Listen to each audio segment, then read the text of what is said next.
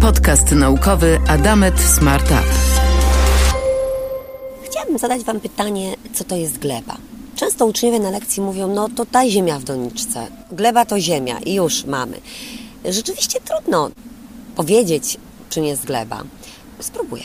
Jest to mieszanina pokruszonej skały, obumarłej materii organicznej, wody i powietrza. Ta materia obumarła nie byłaby przydatna, gdyby nie została przetworzona przez y, organizmy żywe, które są w glebie, które właśnie ją przetwarzają na próchnicę. Gleba jest zasadniczym elementem ekosystemów lądowych, decydującym o utrzymaniu życia na Ziemi. Dlatego jest bardzo ważna. Dzisiejszym tematem będzie Ziemia.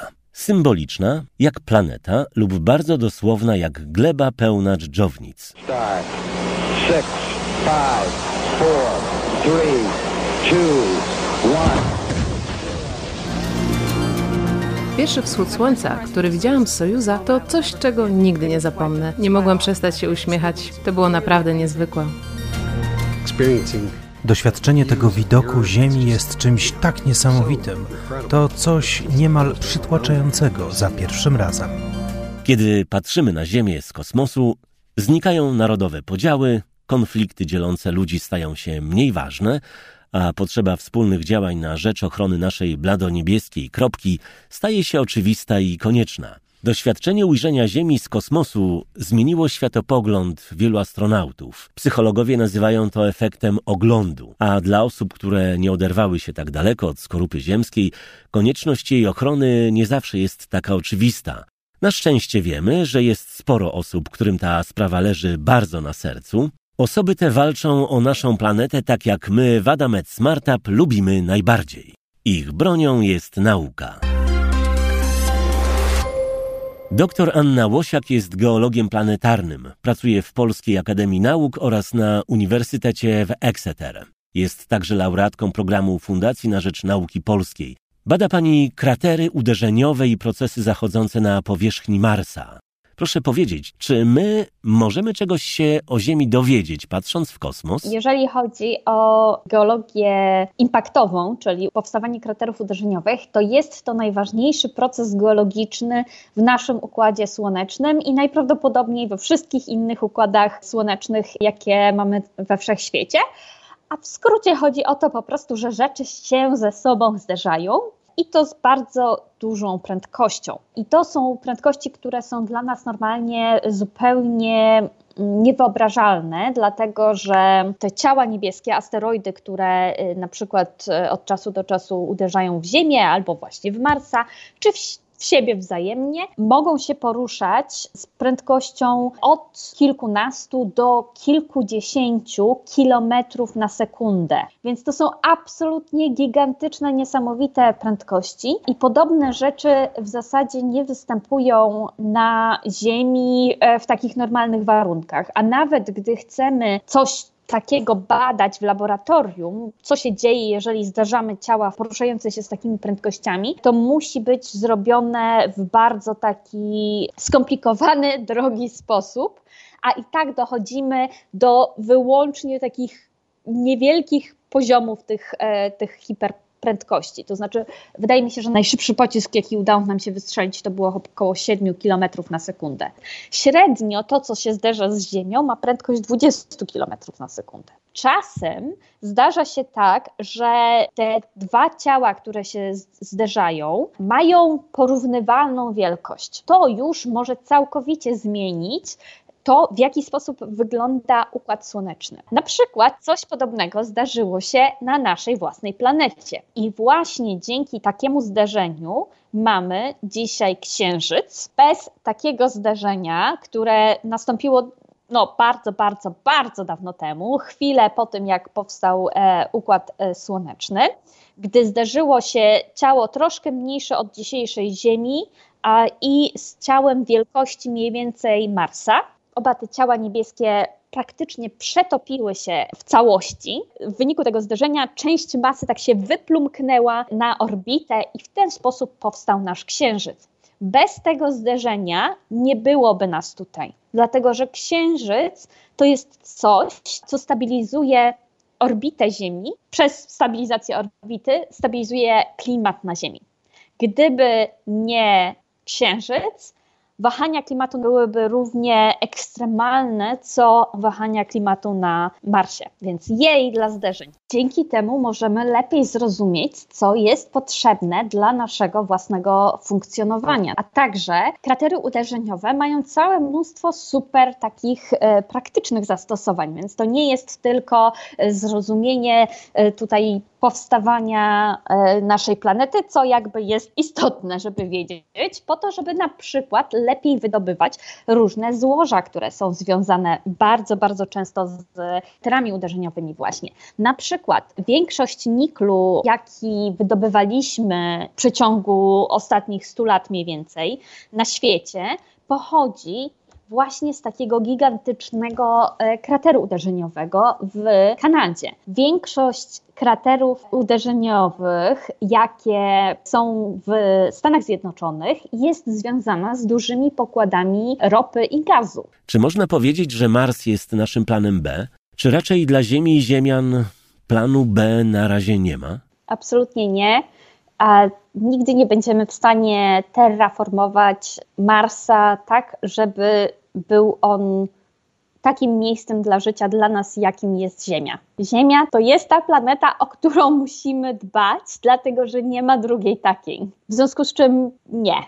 Natomiast absolutnie jest możliwe, ja myślę, że jest nieuniknione wręcz, o ile się w międzyczasie tutaj nie wybijemy w jakiś e, malowniczy sposób, czego mam nadzieję unikniemy, że ludzkość zasiedli Marsa, że będziemy mieli stałe bazy na Księżycu i na innych ciałach niebieskich. Natomiast to nigdy nie będzie tak e, jak na Ziemi. Ziemia jest najfajniejszym miejscem do życia dla, dla nas, jakie może być. Nie zepsujmy tego. Pani prace są fascynujące.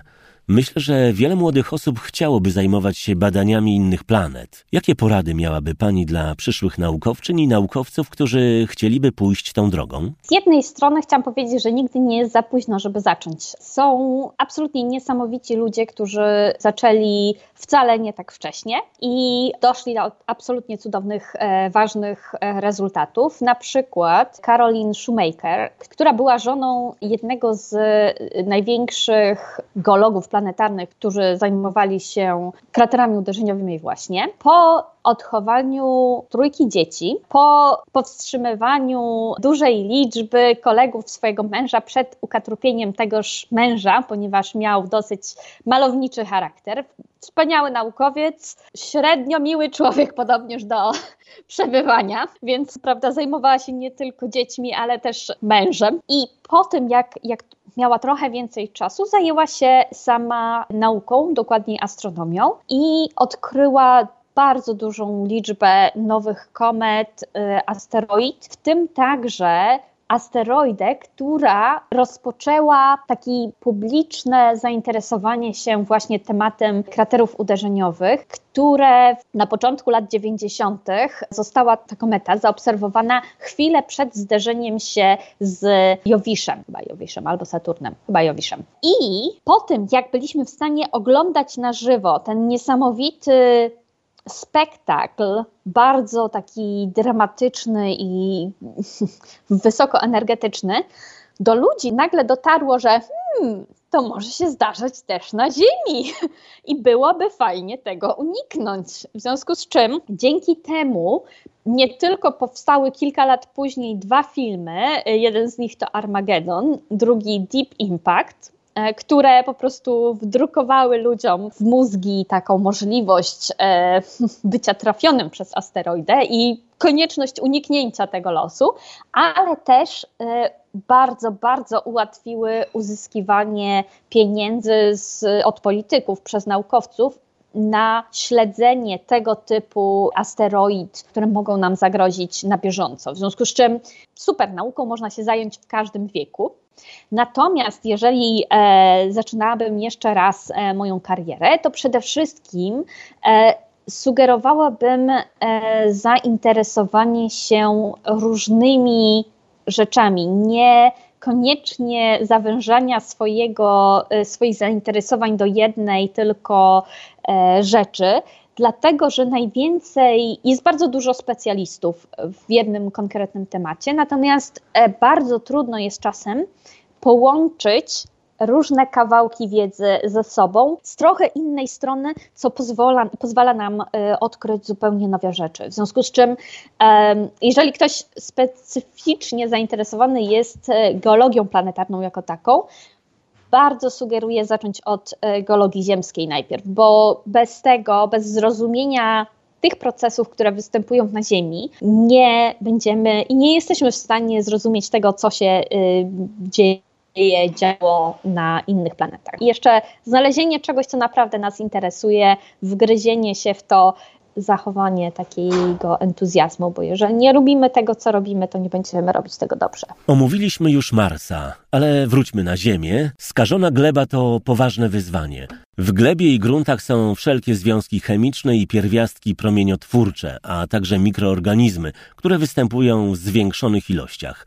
Zanieczyszczenia pochodzą m.in. z odpadów przemysłowych i komunalnych, gazów i pyłów emitowanych z zakładów przemysłowych, z silników spalinowych oraz z substancji stosowanych w rolnictwie. Ale okazuje się, że możemy mieć sprzymierzeńców, którzy pomogą nam uporać się z pewnym rodzajem zanieczyszczeń. Mówią na to grud. Roślina człekokształtna, jak zeznał 89P13, skrzyżowanie drzewka szczęścia i goryla. W filmie Strażnicy Galaktyki Ziemię i kilka innych planet pomaga uratować gród. Ale dr Alicja Bebst-Kostecka z Instytutu Botaniki imienia Władysława Szafera PAN w Krakowie, laureatka programu Powroty Fundacji na Rzecz Nauki Polskiej, zdobywczyni wielu nagród i stażystka na wielu światowych uniwersytetach, odkryła innego sprzymierzeńca walki o czystość gleby. Pani doktor, czym jest i co potrafi rzeżusznik Hallera? Rzeżusznik Hallera jest to niewielka i niepozorna roślina, która kwitnie na biało. Występuje w Europie Środkowej i Południowej i preferuje przede wszystkim tereny górskie. Spacerując po górach możemy ją spotkać przy brzegach potoków czy na skraju lasów. Ale poza tymi pięknymi naturalnymi obszarami, rzeżusznik halera rośnie też na terenach niżowych, przy kopalniach czy hutach. I ponieważ te obszary są bardzo często zanieczyszczone metalami ciężkimi, są one toksyczne dla większości żywych organizmów, w tym roślin. Występują tam więc tylko takie gatunki, które potrafią tolerować wysokie stężenia metali w glebach. I rzeżusznik należy właśnie do takiej wyjątkowej grupy.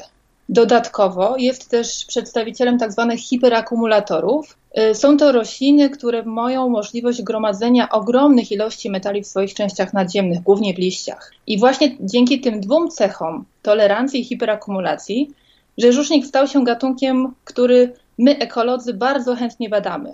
Nazywamy go wręcz gatunkiem modelowym.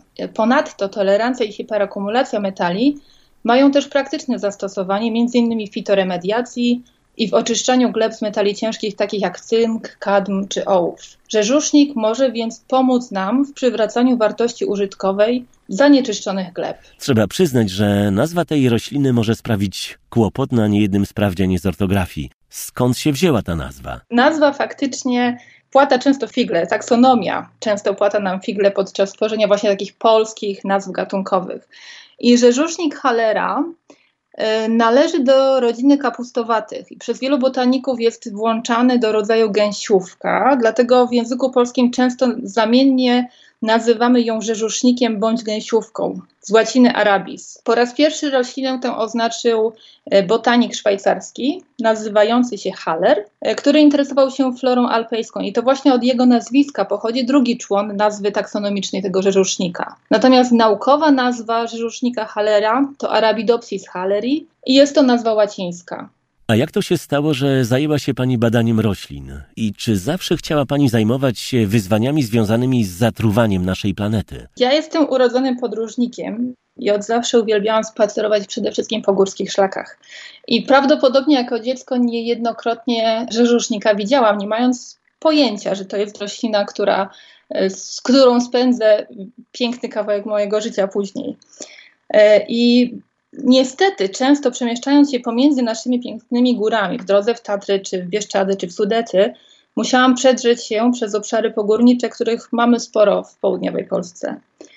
I myślę, że to ta ekspozycja do takich mocno kontrastowych krajobrazów, z jednej strony naturalnych, zielonych, górskich, a z drugiej strony szarych i zniszczonych niestety przez naszą antropogeniczną działalność, obudziła we mnie ducha ekologa. Wtedy myślę, że, że będąc w liceum, tak naprawdę podjęłam decyzję, że ochrona środowiska to jest właśnie ta dziedzina, w której ja bym się chciała wyspecjalizować. I podczas studiów wyjechałam y, w ramach programu Erasmus na wymianę studencką do Francji, do, na Uniwersytet w Lille i tam miałam możliwość włączyć się do prac właśnie nad Arabidopsis halleri.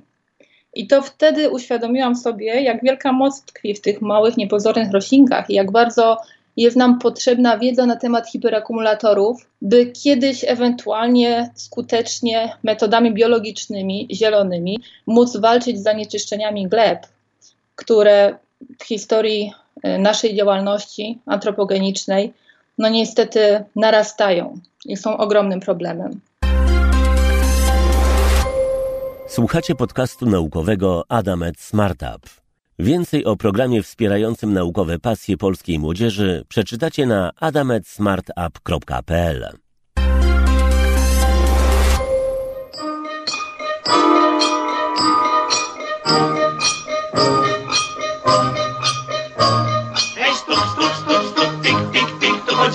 Dzień po dniu. Wciąż puk, tak, raz tik, bogaty śmig. Tylko tik, tik, tik i diamentów cały lik. To mi raj, to mi raj, to mi raj, to mi raj, to nasz diamentowy Doktor inżynier Karol Wawrzyniak z Interdyscyplinarnego Zakładu Analiz Energetycznych Narodowego Centrum Badań Jądrowych zajmuje się łączeniem możliwości modeli matematycznych, mocy obliczeniowych superkomputerów i transformacją energetyczną polskich gmin. Panie doktorze, w jaki sposób modele matematycznie mogą pomóc nam przejść na bardziej przyjazną dla środowiska gospodarkę energetyczną i co mają z tym wspólnego superkomputery? To jest tak, że rzeczywistość, która nas otacza, ona często, pomimo tego, że wydaje się dosyć łatwa w y, zrozumieniu na pierwszy rzut oka, to taka nie jest. I y, podjęcie decyzji, y, co robić, żeby coś zmienić, w oparciu o wiedzę tylko i wyłącznie ekspercką, czasami jest zbyt trudne, albo ta decyzja jest zbyt uproszczona, czyli nie daje oczekiwanych efektów. Jeżeli sobie weźmiemy pod uwagę na przykład zmiany klimatyczne, które zachodzą na Ziemi, to zrozumienie, dlaczego te zmiany się wydarzają, jakie mają konsekwencje, jakie są pęty zwrotne na przykład w tym środowisku, które nas otacza, no, wymaga pewnych dosyć zaawansowanych modeli matematycznych. To jakby w kontekście klimatu. Natomiast w kontekście teraz energetyki jest podobnie. Jeżeli teraz na przykład na poziomie gminy ja muszę podjąć decyzję, jak efektywnie wydać środki w ciągu na przykład najbliższych 10 lat, tak żeby osiągnąć pewne cele, na przykład redukcję smogu, nie wiem, z obecnego poziomu do na przykład zerowego poziomu, czy redukcję emisji CO2, czy na przykład też inne cele, które sobie tam mogę wyznaczyć, na przykład uruchomienie lokalnej przedsiębiorczości na jakimś poziomie, no to pytanie, jak teraz te środki wydać jak najbardziej efektywnie. No i się okazuje, że to wcale nie jest takie łatwe zagadnienie, bo z jednej strony mogę rozbudować na przykład sieć gazową, z drugiej strony mogę zbudować ciepłowniczą, z trzeciej strony mogę na przykład może jakieś dofinansowanie dla mieszkańców dać na pompy ciepła. E, możliwe, że muszę modernizować ciepłownię, którą mam, która może być przestarzała. Także jest tutaj wiele jakby różnych mm, pytań, też o technologię, w której będę to robił, gdzie oczywiście ekspert ma jakieś doświadczenie i może pomóc, natomiast no, zawsze to ta wiedza ekspercka już będzie suboptymalna, czyli to, to nie będzie optymalne rozwiązanie, ponieważ problem jest zbyt skomplikowany. Natomiast no, superkomputer, czy nawet zwykły komputer w niektórych przypadkach, jeżeli jest odpowiednio sparametryzowany, czyli zasilimy go tą wiedzą właśnie o technologiach, o tym, jaki jest stan obecny, znajdzie to rozwiązanie optymalne, czyli znajdzie taką ścieżkę dojścia do tego celu, która będzie nas najtaniej kosztować, czyli też zapewni najbardziej efektywne wydawanie środków, a na ogół są to środki publiczne, czyli nas wszystkich.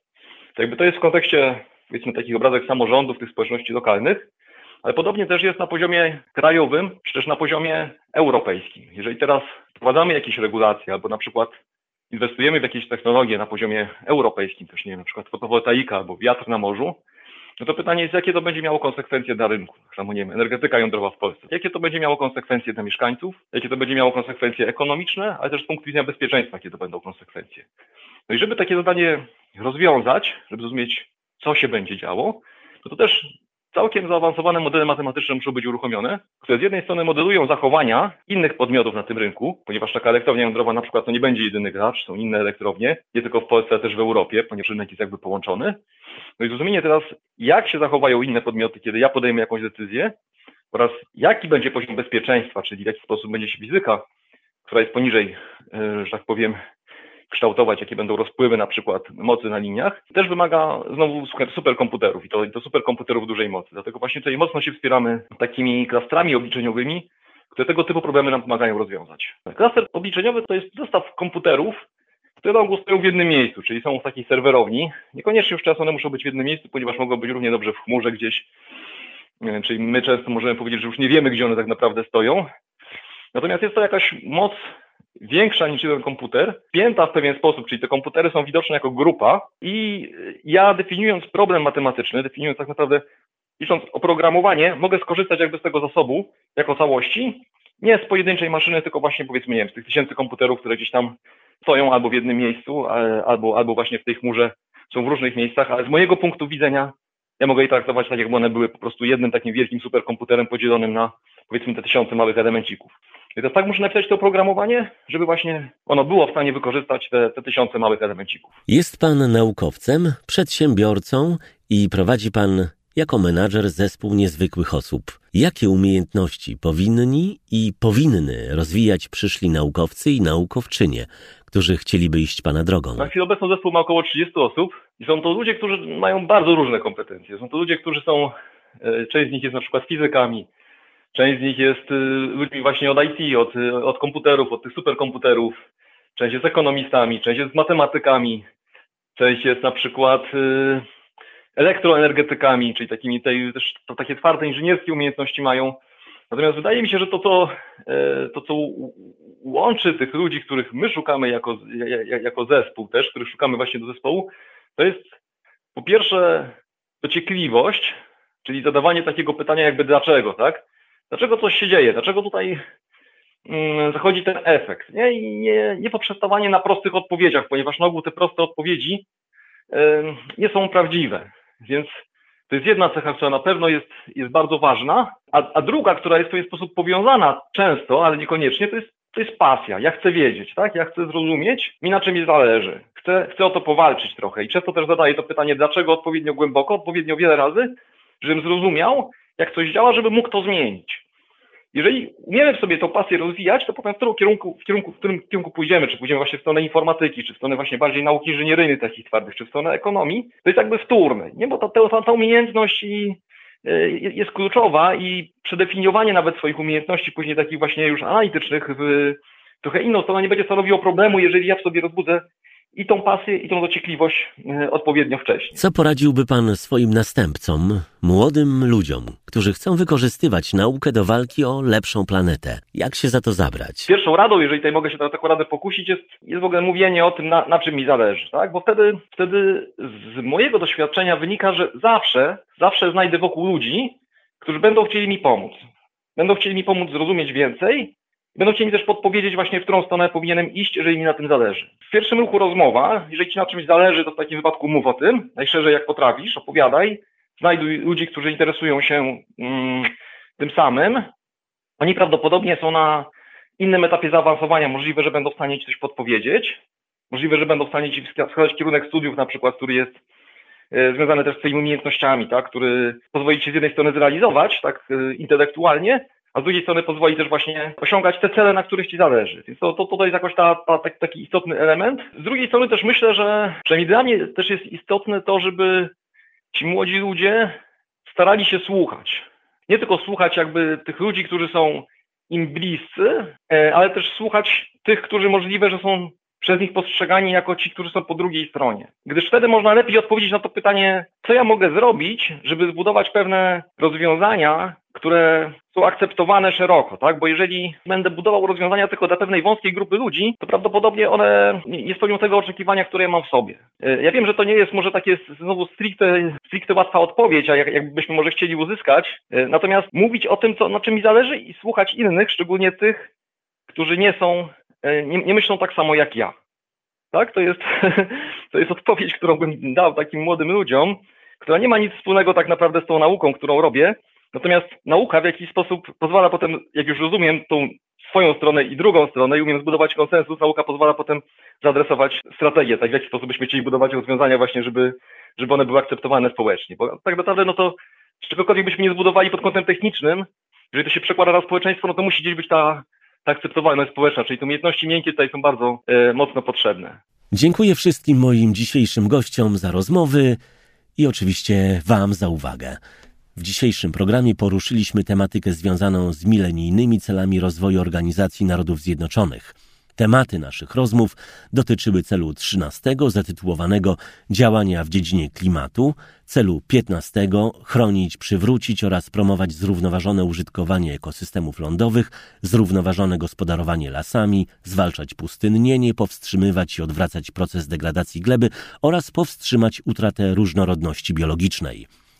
Jeśli podcast Wam się podobał, prosimy polećcie go innym osobom i koniecznie subskrybujcie, aby nie przeoczyć następnych odsłon. Do usłyszenia w następnym odcinku. Podcast naukowy Adamet Smart Up.